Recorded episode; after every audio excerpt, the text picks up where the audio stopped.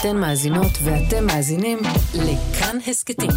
כאן הסכתים, הפודקאסטים של תאגיד השידור הישראלי. גם כן תרבות, עם גואל פינטו. היום, השמונה בנובמבר, הוא יום העירוניות העולמי.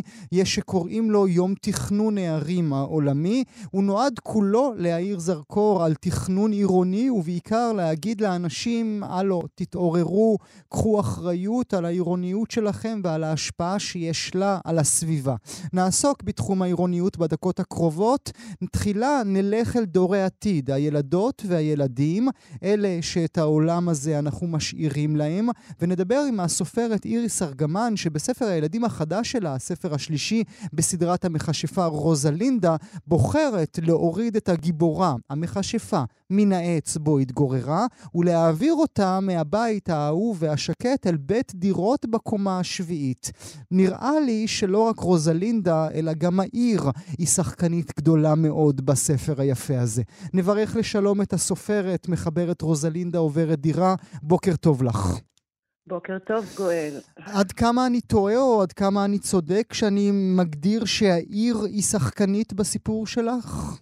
אני חושבת שהגדרת את זה בצורה מדויקת. העיר היא שחקנית אה, ראשית כמעט בספר הזה וגם בספרים הקודמים. מאוד חשוב לי להדגיש את העירוניות, את העירוניות המשתנה, את הרחוב, את האנונימיות מול האינטימיות בעיר, את כל השינויים הגדולים שאנחנו חווים בעיר, וכמובן שאפשר להציף את הנושאים האלו גם בספר ילדים, בלי לומר את הדבר עצמו.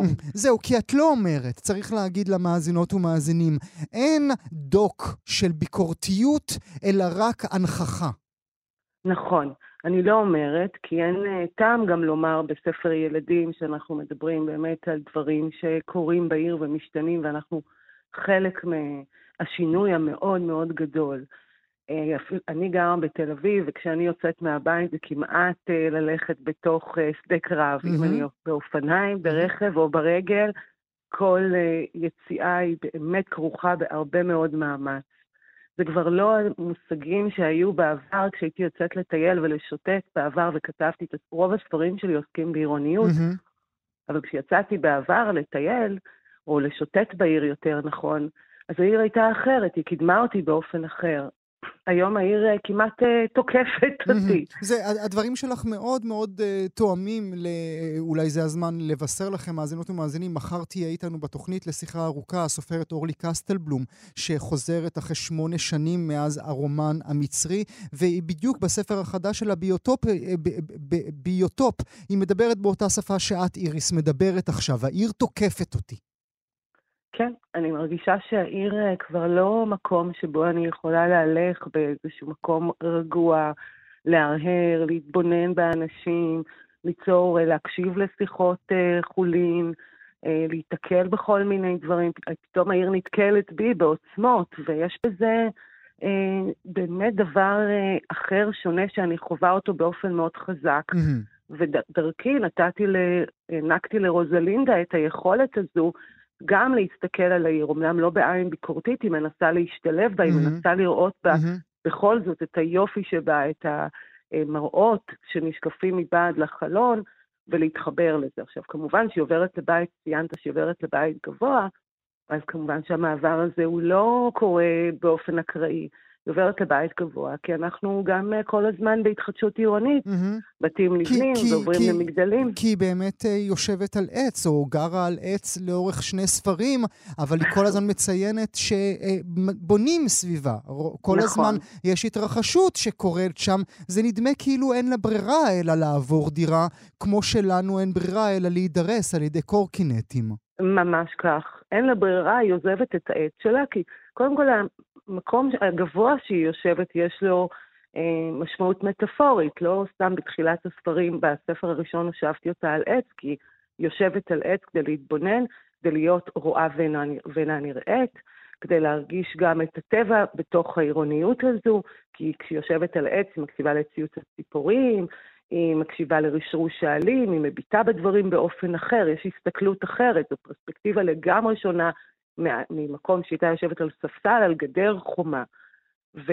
פתאום הבנתי שכבר זה לא רלוונטי, כבר לא יכולה להמשיך לשבת uh, במקום הזה, בקומפורט זון הזה שלה, היא צריכה להתקדם הלאה, והיא צריכה להגיב למה שקורה סביבה.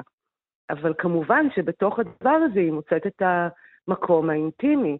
כי היא מגיעה לבית הגבוה הזה, והיא לא יודעת מה לעשות. היא לא, לא, היא בודדה, היא בודדה, גברתי הסופרת. אה, אה, אה, אם את מרשה לי לתרגם לך את הספר שעמלת עליו רבות, הגיבורה שלך בודדה. הגיבורה שלי בודדה עם נגיעות חברתיות. היא תמיד תישאר בודדה, כי זה הייחוד שלה, ולכן היא גם מכשפה. היא לא קשורה לשום סדר חברתי. היא לא, אתה באמת, אה, בהחלט צודק בעניין הזה. אני רוצה שהיא תהיה בודדה. אני רוצה שהיא תהיה ממש אה, על אי בודד כמעט. אבל שהיא כל הזמן תהיה כמהה לקשר האנושי, שהיא תבחן אותו בתוך ה, בתוך, בכלים שיש לה. אני לחלוטין נמצאת עם המקום הזה שהיא בודדה, כי אין לה, היא לא הלכה אף פעם לגן, היא לא הלכה לבית ספר, היא לא נולדה בשום מקום ספציפי, אין לה הקשרים, ולכן היא מאוד מאוד בודדה. אבל היא גם מאוד רוצה את הקשר הזה, mm. היא מחפשת אז, אותו. אז, אז כשאת אה, מושיבה אותנו, ההורים שיש להם ילדים קטנים יותר, אה, לידם, אה, בשעת השינה, וקוראים יחד את הספר, האם הספר שלך הוא הכנה לשיחה על עירוניות, או הכנה לשיחה על בדידות וחשיבות להיות נחמד לאחר, כי השכנים ממול מזמינים את רוזלינדה אחר כך לאכול איתם אה, ולק, ולקרוא סיפורים? האם האם זה השיח שאת רוצה שיתפתח? אני לא רוצה אה, דבר מההורים. אני נותנת סיפור, אני מעניקה סיפור שמבחינתי הוא צריך לעמוד בזכות עצמו כסיפור. כמובן שהייתי רוצה שהורים או מתווכים כלשהם, או מורות או גננות, ייקחו את זה לעוד צעד קדימה וישוחחו עם הילדים. ספר הוא בעיניי פלטפורמה לתקשורת, הוא המקום, הוא נקודת מוצא לתקשורת. למקום שבו אנחנו מעלים דעות, מחשבות. Mm-hmm. אין לי עניין ספציפי שאני רוצה, אני לא רוצה בהכרח שהם ידברו על עירוניות. Mm-hmm. כן, אולי הייתי רוצה בחלום שלי שהם יקראו את רוזלינדה והם יצאו לעיר והם יראו אותה קצת אחרת, והם ינסו לנהל שיח סביב הדברים שקורים לנו בעיר, או אפילו מבעד לחלון. Mm-hmm. מה אני רואה? זאת אומרת, להתבונן, לפקוח עיניים. ואולי וכן, גם, אם יורשה לי להגיד, עיר לא אמורה להתנהל ככה, עיר לא אמורה לרדוף את תושביה. ברור. היום, אה, כן, אנחנו במד... זה... תל אביב היא לא העיר היחידה בארץ, אבל אם אנחנו מדברים על תל אביב כסמל למה שקורה, כן, היא לא היחידה שסובלת, יש עוד ערים אחרות. אבל העיר באמת לא נותנת מנוח לאנשים, היא לא מייצרת להם את המקום הקהילתי, המקום, אי אפשר לומר רגוע, אבל מקום מקבל, שבו הם יכולים להרגיש נינוחים אחרי יום עבודה, או כשהם רק יוצאים לטייל עם הכלב. אין, אין מדרכות. אה, ואני חושבת שהמקום הזה, מדרכה, זה האי של הולכי הרגל, זה המקום הבטוח שלהם, בכל המובנים. ו... הזכרת קודם, איריס, שזאת לא הפעם הראשונה, בוודאי כל מי שמכיר את היצירות המצוינות שלך, זו לא הפעם הראשונה שאת מדברת עירוניות. למה נכון. זה חשוב לך כל כך? קודם כל כי אני פריקית של עיר, אני חושבת שבעיר יש את הדברים הכי מדליקים ומגניבים שיכולים להיות. נכון, אני אוהבת טבע, אבל זה לא סותר. כי עיר היא בעצם אה, בלתי צפויה, היא בלתי אפשרית, היא לא ניתנת להגדרה אחת, היא כל הזמן מפתיעה, היא כל הזמן מעוררת את החושים, היא כל הזמן היא all over, אפשר לראות אותה בהמון היבטים. היא פשוט לא ניתנת להגדרה, ואני כל הזמן מנסה לרדוף אחרי ההגדרה הבאה. Mm. אני כל הזמן מנסה לבחון אותה. אני באמת באמת מאוד אוהבת עיר, כי מספיק שיוצאים החוצה מהבית, אה, החוצה אל הרחוב, כבר אתה הופך מאדם אנונימי פרטי לחלק מהמון, לחלק ממשהו. אה, וזה משהו שהוא אחר מכל אה, מקום שקט אחר, כי אם אתה חי באיזושהי חווה מבודדת, אתה יוצא, אתה נשאר אותו אדם בפנים ובחוץ. Mm-hmm. אבל העיר מייצרת לך זהות אחרת ברגע שאתה יוצא אליה. היא מאפשרת לך לראות ולהתבונן על העולם בשפע אפשרויות, רק לפקוח עיניים. Mm. ובעצם העיר כל הזמן פועלת עליי, פועלת לי על כל החושים, אני כל הזמן מרגישה שאני צריכה עוד פעם לבדוק אותה מהמקום הזה. Mm-hmm. בספר הקודם, באמיליה והכובע, אז גם, אז ניסיתי לבחון את העיר דרך הכובעים שאנשים פתאום יחבשו על הראש.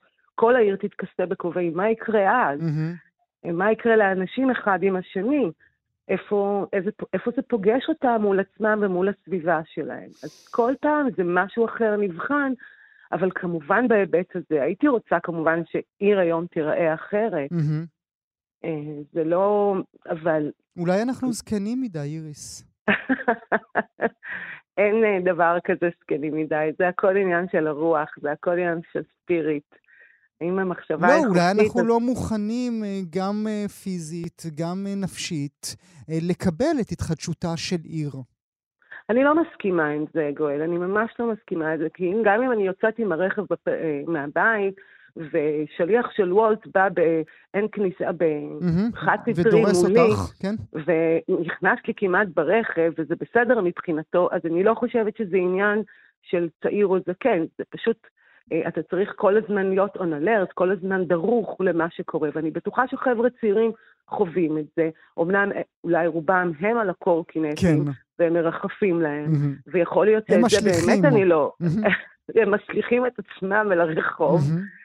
אה, אבל אני חושבת שאנחנו חייבים באמת ליצור, וזה הדבר הנוסף, בתוך האנונימיות של עיר, את הקהילתיות, את זה שאכפת כן, לי שאני, כן. את האכפתיות, האמפתיה לאחר. לא, כל אחד צריך לקחת אחריות לעירוניות, לא רק ראש העיר mm-hmm. שיסדר לנו את הדרכים. Mm-hmm. גם אותם אנשים, גם שליחים, גם קורקינטים, גם כל אלו, הם צריכים גם לקחת אחריות על המעשים שלהם.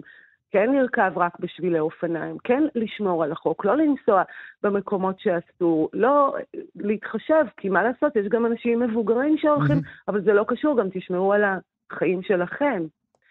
ולא רק, אני חושבת שבאמת, אני רוצה להראות שגם כשאנחנו חיים במקום מאוד דחוס, מאוד צפוף, עדיין הדבר המאוד מאוד אה, חשוב הוא הקשר האנושי. כמובן. שאנחנו לא יכולים, ורוזלינדה שוב, היא נורא נורא בודדה, אבל היא נורא צריכה את, היא מבינה את זה לעומק, שהיא צריכה את הקשר האנושי שהיא זקוקה לו. וצריך אולי ללמוד ממנה שהיא עושה מעשה אקטיבי, כדי נכון. להשיג את הדבר שהיא זקוקה לו. טוב, נניח כאן את הדברים, נברך אותך לשלום. אה, תודה, נ, נאמר תודה. לכם, מאזינות ומאזינים, רוזלינדה עוברת דירה, זה שם ספרה החדש של הסופרת איריס ארגמן. איריס, תודה שהיית איתי. תודה רבה לך, גואל, יום מקסים. נעבור אה, מיד אל הנושא הבא שלנו, ואנחנו ממשיכים לעסוק בעירוניות, לציון יום העירוניות העולמי. אנחנו נפנה אתכם עכשיו לחורבות פוסט-מודרניות.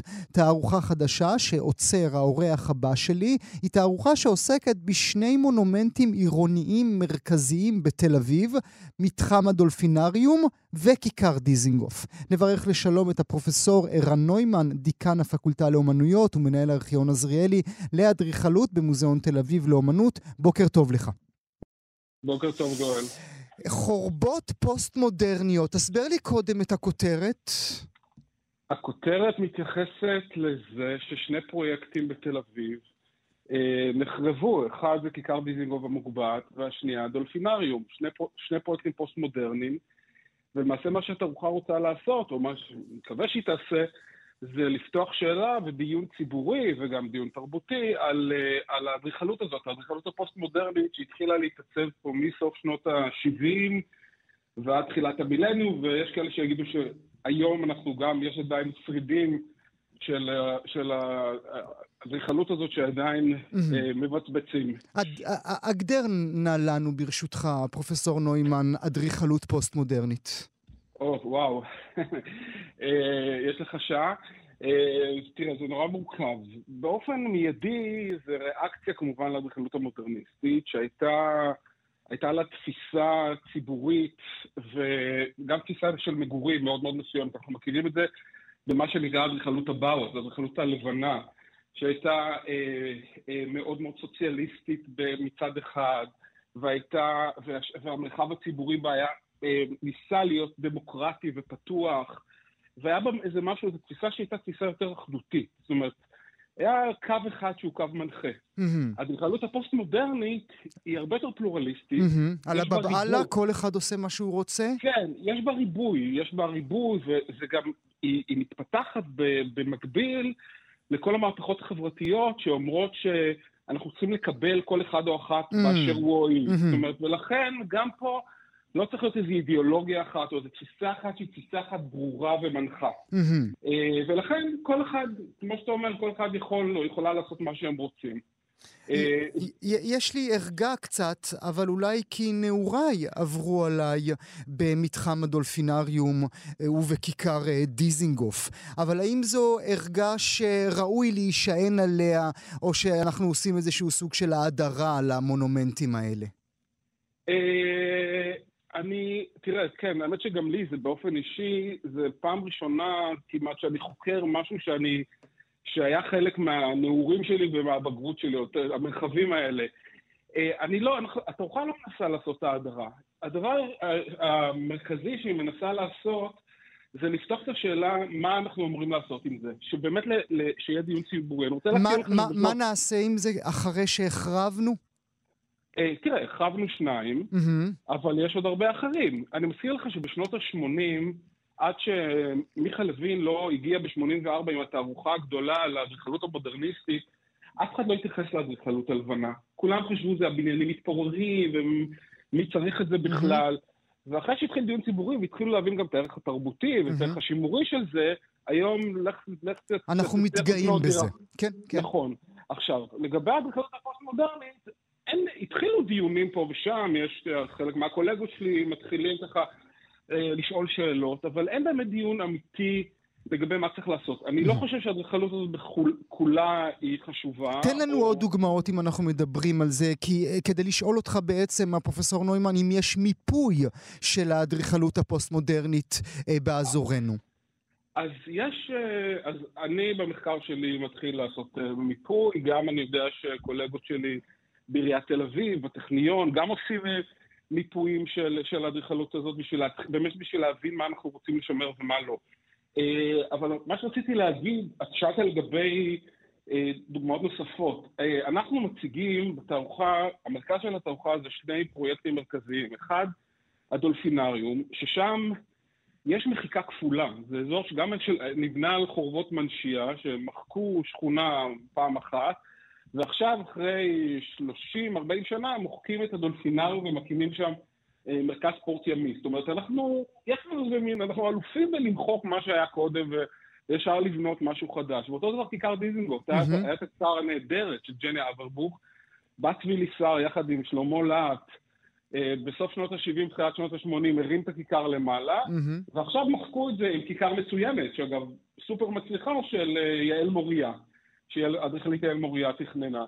אז השאלה, אתה יודע, אנחנו, אם אנחנו לא מהר מדי מוחקים את מה שהיה קודם, כי זה נכון שזה שני פרויקטים שהם היו מאוד בעייתיים במובן התפקודי שלהם. הכיכר המוגבעת לא כך עבדה, אבל צריך לזכור שגם הכיכר הזאת אה, נבנתה בתקופה, אפרופו הדיון שלך על עירוניות, שבה אנחנו בשנות ה-70 וה-80 התחלה, תל אביב התרוקנה. עכשיו, אנשים לא יכולים להעלות את זה על דעתם, אבל כן. היה, הייתה הגירה שלילית מתל אביב, והיה מעבר של אה, רחובות מסחריים כמו דיזינגוף לקניונים, ולכן לא היה סיכוי לכיכר הזאת להצליח. השאלה אם היום אי אפשר היה לעשות אדפטציה לכיכר המוגבעת ולנסות לעשות משהו שיתאים למה שקורה היום, או להוריד אותה. אני חושב שבסופו של דבר היה כן צריך להוריד אותה, מהמם. אבל, אתה יודע, השאלה, אנחנו רוצים לשאול מעבר לזה, מעבר לפרויקטים האלה, אוקיי, אותם כבר... זה כבר זה עבר זמנו. כן. כן, כן. השאלה, מה, מה עושים עם... אז, אז, אולי, אז אולי, זה. אולי זה מתחבר לנו, הפרופסור נוימן, לשאלה הגדולה יותר, וזה היום שאנחנו מציינים יחד עם העולם כולו, וזה יום העירוניות העולמי. האם זו דוגמה בעיניך לדרך, שני הדוגמאות האלה שציינת, גם מתחם הדולפינריום וגם קר דיזינגוף, הם דוגמה לכך שאין לנו ראייה עירונית אמיתית בישראל?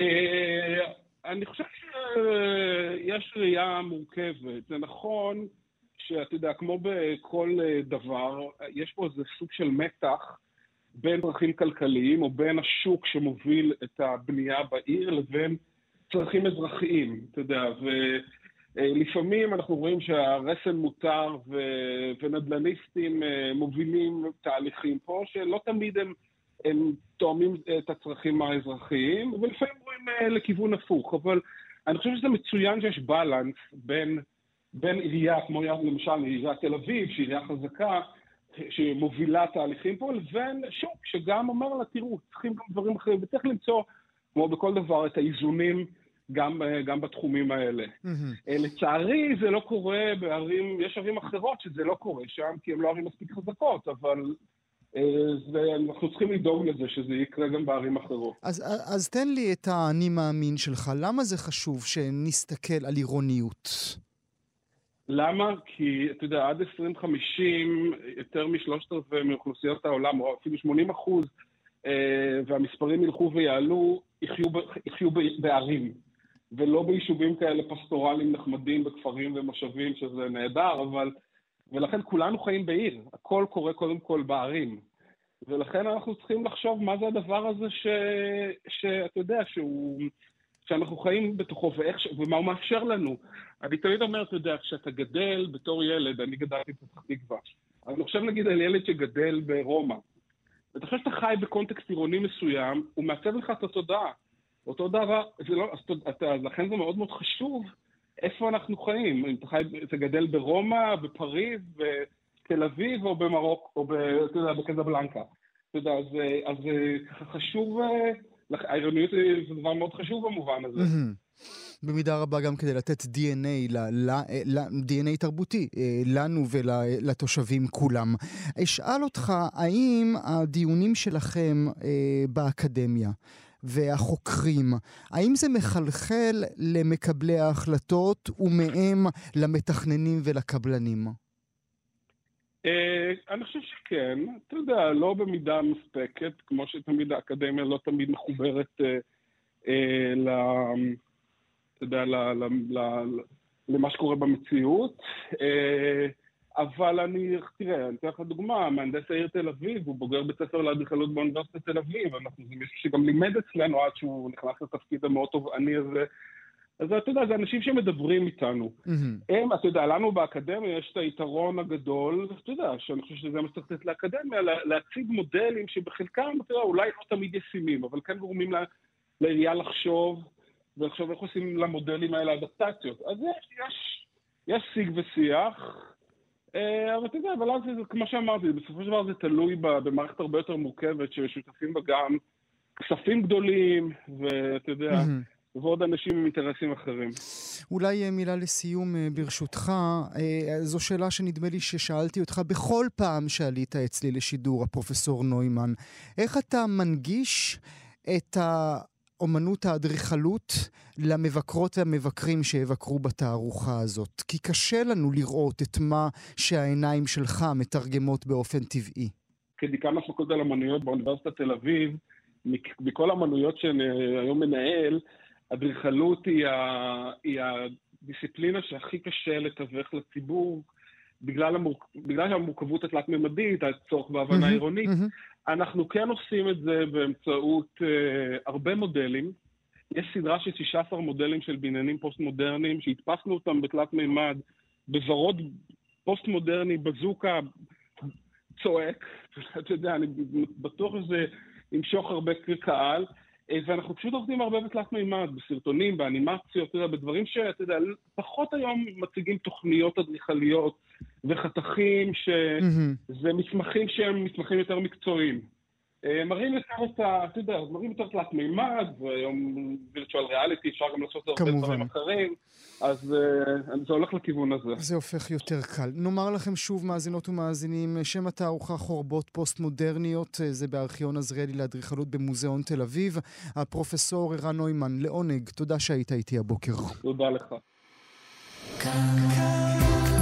גם כן תרבות. ראשון עד רביעי בין תשע לאחת עשרה. רק בכאן תרבות.